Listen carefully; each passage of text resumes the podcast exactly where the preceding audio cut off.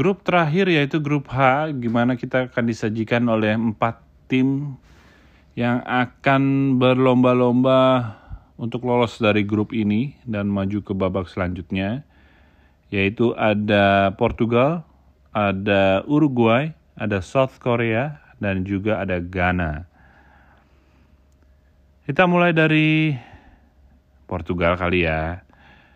Portugal ini uh, sebenarnya penasaran dengan Piala Dunia ya. Karena mereka tuh sebenarnya hampir sama seperti Belgia. Mereka mempunyai golden generation di mana pemain-pemain Portugal itu isinya bagus-bagus semua, menjadi pemain inti di klub masing-masing, mempunyai skill, mempunyai talenta yang bagus sekali, dan banyak yang menjadi tumpuan di klubnya masing-masing. Tapi Portugal setelah mereka juara Piala Eropa dan juara Nations League itu sepertinya kurang begitu beruntung kalau di turnamen Piala Dunia. Mereka sepertinya agak sedikit apa ya nggak tahu ya tidak beruntungan gitu kayak ada di di pihak mereka gitu ya. Tapi nggak tahu tahun ini karena squad yang dibawa juga sebenarnya mirip-mirip dengan squad yang uh, mereka bawa di Piala Eropa kemarin dan di uh, Nations League kemarin. Jadi seharusnya tidak ada masalah chemistry lagi di Portugal. Jadi mereka tinggal memetakan taktiknya si uh, pelatihnya siapa ya namanya lupa gue. Um, oh Ronaldo nama pelatihnya. Enggak deh. Jadi bagaimana mereka memetakan plat, uh, taktik itu menjadi uh, permainan yang uh, bagus untuk Portugal gitu. Isinya Portugal udah pasti Cristiano Ronaldo masih dipanggil dan ini adalah um, kali kelima dia untuk tampil di Piala Dunia dan mungkin sama seperti Lionel Messi, seperti Dani Alves, uh, siapa lagi si Luis Suarez dan juga Cavani juga kayaknya terakhir di Piala Dunia kali ini. Jadi udah pasti sih dari motivasi uh, personal sih pasti dia akan uh, jor-joran gitu untuk mendapatkan gelar Piala Dunia kesempatan terakhirnya. Selain Cristiano Ronaldo, ada Joao Felix, ada Rafael Leao yang lagi oke okay juga bersama Milan Terus uh, pemain tengahnya ini numpuk semuanya pemain bagus-bagus. Ada Joao Palinya dan Ruben Neves, Bernardo Silva, Bruno Fernandes, Joao Mario, Matteo Nunes, Vitinha, William Carvalho, dan Otavio. Di belakang ada Diogo Dalo, ada Rafael Guerrero, Nuno Mendes, Daniel Pereira, uh, Joao Cancelo, Ruben Dias, dan Antonio Silva. Juga pemain veteran yang ah, veteran banget ini sih PP. Bagaimana dia masih bisa tembus tim nasional di antara eh, pemain-pemain muda seperti Ruben Dias dan juga uh, Antonio Silva gitu. Jadi ya nggak main-main PP atau mungkin nggak ada back lain kali Portugal ya yang sebagus dia. Ya kita nggak tahu. Untuk kiper juga tiga kiper yang dipanggil uh, kualitasnya sama rata sama rata. Um, Rui Patricio.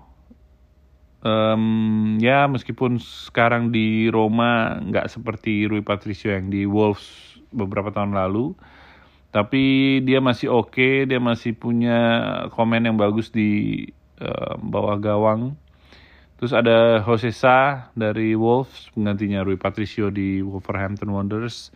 Dan kiper muda asal Porto Diogo Costa ini yang uh, sering disebut-sebut digosipkan akan pindah di musim panas 2023 eh, karena penampilan yang bagus sama Porto. Portugal akan menjadi lawan pertama dari Ghana.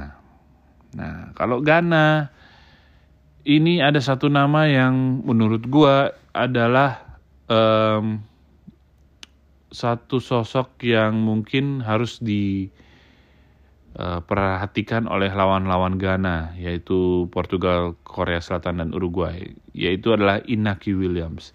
Inaki Williams ini pernah membuat rekor bahwa dia tidak pernah putus untuk tampil bersama klubnya itu selama berapa kali ya. Jadi dia tuh fit terus, nggak pernah cedera, nggak pernah absen, selalu dimainkan. Dia yang membawa Ghana ke Piala Dunia ini. Jadi perlu di garis bawahi mungkin ya untuk para lawan-lawannya karena kalau saja back-back lawan itu uh, meleng dikit aja mungkin Inak Williams bakal uh, mencetak gol. Jordan Ayu juga masih dipanggil uh, bersama dengan pemain muda asal Ajax Amsterdam Muhammad Kudus. Dia juga beberapa kali cetak gol di Champions League musim ini dan dia akan berpartner mungkin dengan Andre Ayu dan juga Thomas Partey. Untuk backnya kita beberapa nama yang uh, familiar juga di Liga Inggris ada Daniel Amarte, Baba Rahman, um, Tarik Lamte, uh, dan Muhammad Salisu, juga uh, Gideon Mensah. Jadi kalau dilihat sih kenceng-kenceng nih fullbacknya ya. Dan uh, kuat-kuat ya. Tipikal ini Afrika lah ya. Tipikal tim Afrika. Kita lihat aja gimana Ghana bisa melawan Portugal. Kalau misalnya mereka mungkin bisa mengatasi uh, apa ya gebrakan dari Portugal di game pertama. Bukan nggak mungkin mereka bisa menyusahkan tim-tim lainnya seperti Uruguay misalnya Uruguay datang ke Piala Dunia 2022 itu dengan uh, beberapa pemain yang sebenarnya cedera, tapi dipanggil juga. Kayak Ronald Araujo. Araujo itu sebenarnya lagi uh, cedera tapi tetap dipanggil. Ya mungkin karena uh, keterbatasan ini ya, stok back tengah gitu mungkin ya. Dan juga uh, Luis Suarez juga dipanggil dan juga Cavani. Seperti gue tadi singgung tadi, Luis Suarez dan Cavani mungkin ini adalah uh, Piala Dunia terakhir mereka. Dan uh, beberapa pemain muda juga dimasukkan ke skuad ini yang mudah-mudahan bisa uh, apa namanya bekerja sama lah dengan senior seniornya. Karena kita tahu uh, Uruguay ini ya skuadnya itu cukup uh, baik ya, apalagi di Amerika Selatan mereka juga bisa mengimbangi Argentina uh, dan Brazil gitu. Jadi um, apalagi dengan Federico Valverde yang lagi mencuat-cuatnya di Real Madrid, gimana dia lagi pede-pedenya mainnya. Jadi bukan nggak mungkin dia akan menjadi sentral dari permainan Uruguay bersama Bentancur yang lagi oke okay juga sama Spursnya Conte.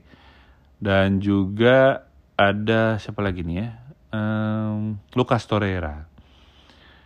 Di depan tinggal pilih aja mau siapa yang dipasang. Cavani, Luis Suarez, Maximiliano Gomez atau Darlus Nunes. Yang Liverpool fans marah lagi. Darwin Nunes.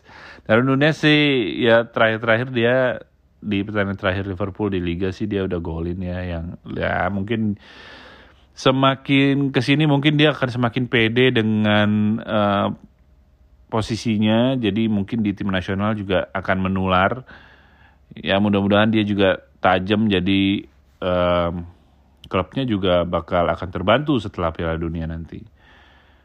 Untuk di uh, goalkeeper kayaknya Fernando Muslera belum kegeser ya meskipun ada Sergio Rohet sama Sebastian Sosa. Kalau di backnya ada mantan pemain MU nih, Guillermo Varela. Varela ini uh, sempat menjadi tim intinya di Luis Van Gaal setelah uh, krisis bek kanan waktu itu, tapi akhirnya dilepas juga ke Uruguay lagi. Dan Diego Godin juga masih dipanggil. Sementara kalaupun Araujo belum fit, masih ada Sebastian Coates dan Martin Caceres. Itu Uruguay. Nah, satu lagi Korea Selatan.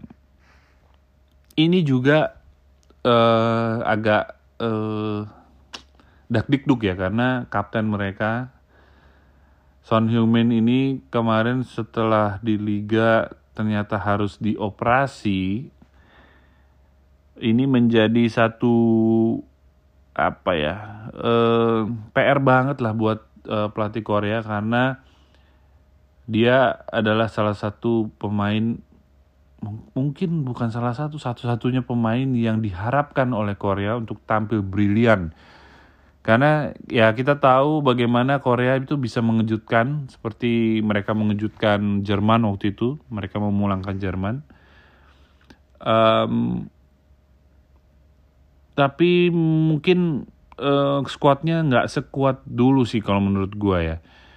Cuman ada beberapa pemain yang mungkin lebih uh, dikenal nih karena mereka bermain apik juga bersama klubnya Salah satunya yang menemani uh, Son Heung-min di lini tengah adalah Wang Hichan. Wang Hichan biasanya juga main di striker juga ya bersama uh, Wolves.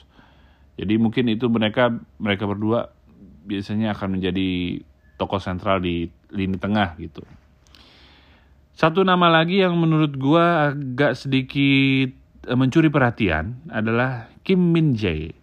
Kim Min Jae ini back asal Napoli. Dia uh, disorot namanya karena uh, prestasinya juga bersama Napoli. Bagaimana laju Napoli di Champions League musim ini juga dan di Liga Italia. Uh, semakin settle dengan sepak bola Italia ya mudah-mudahan uh, pengalaman itu bisa ditularkan ke teman-temannya yang kebanyakan main di Liga Korea jadi bagaimana Kim Min Jae ini surprisingly dia adalah salah satu back tangguh yang bisa diandalkan di Liga Serie A gitu. Jadi kita lihat aja bagaimana uh, Korea Selatan untuk uh, meladeni Uruguay, Ghana dan Portugal. Kalau di atas kertas sih uh, kayaknya Portugal dan Uruguay ya. Tapi bukan tidak mungkin Korea Selatan sama Ghana itu bisa mencuri poin dan mungkin uh, mereka bisa menjadi uh, lolos ke babak selanjutnya kita lihat aja. Setelah grup H ini, grup ke-8 selesai sudah uh, preview dari ke-8 grup yang gua sajikan di Dapot Haya Haya Qatar 2022. Untuk episode selanjutnya tetap dengerin terus gue akan um, mengulas juga tentang Piala Dunia Qatar 2022 uh, di mana tanggal 20 kita udah mulai nonton Piala Dunia. Tunggu aja episode selanjutnya di Dapot.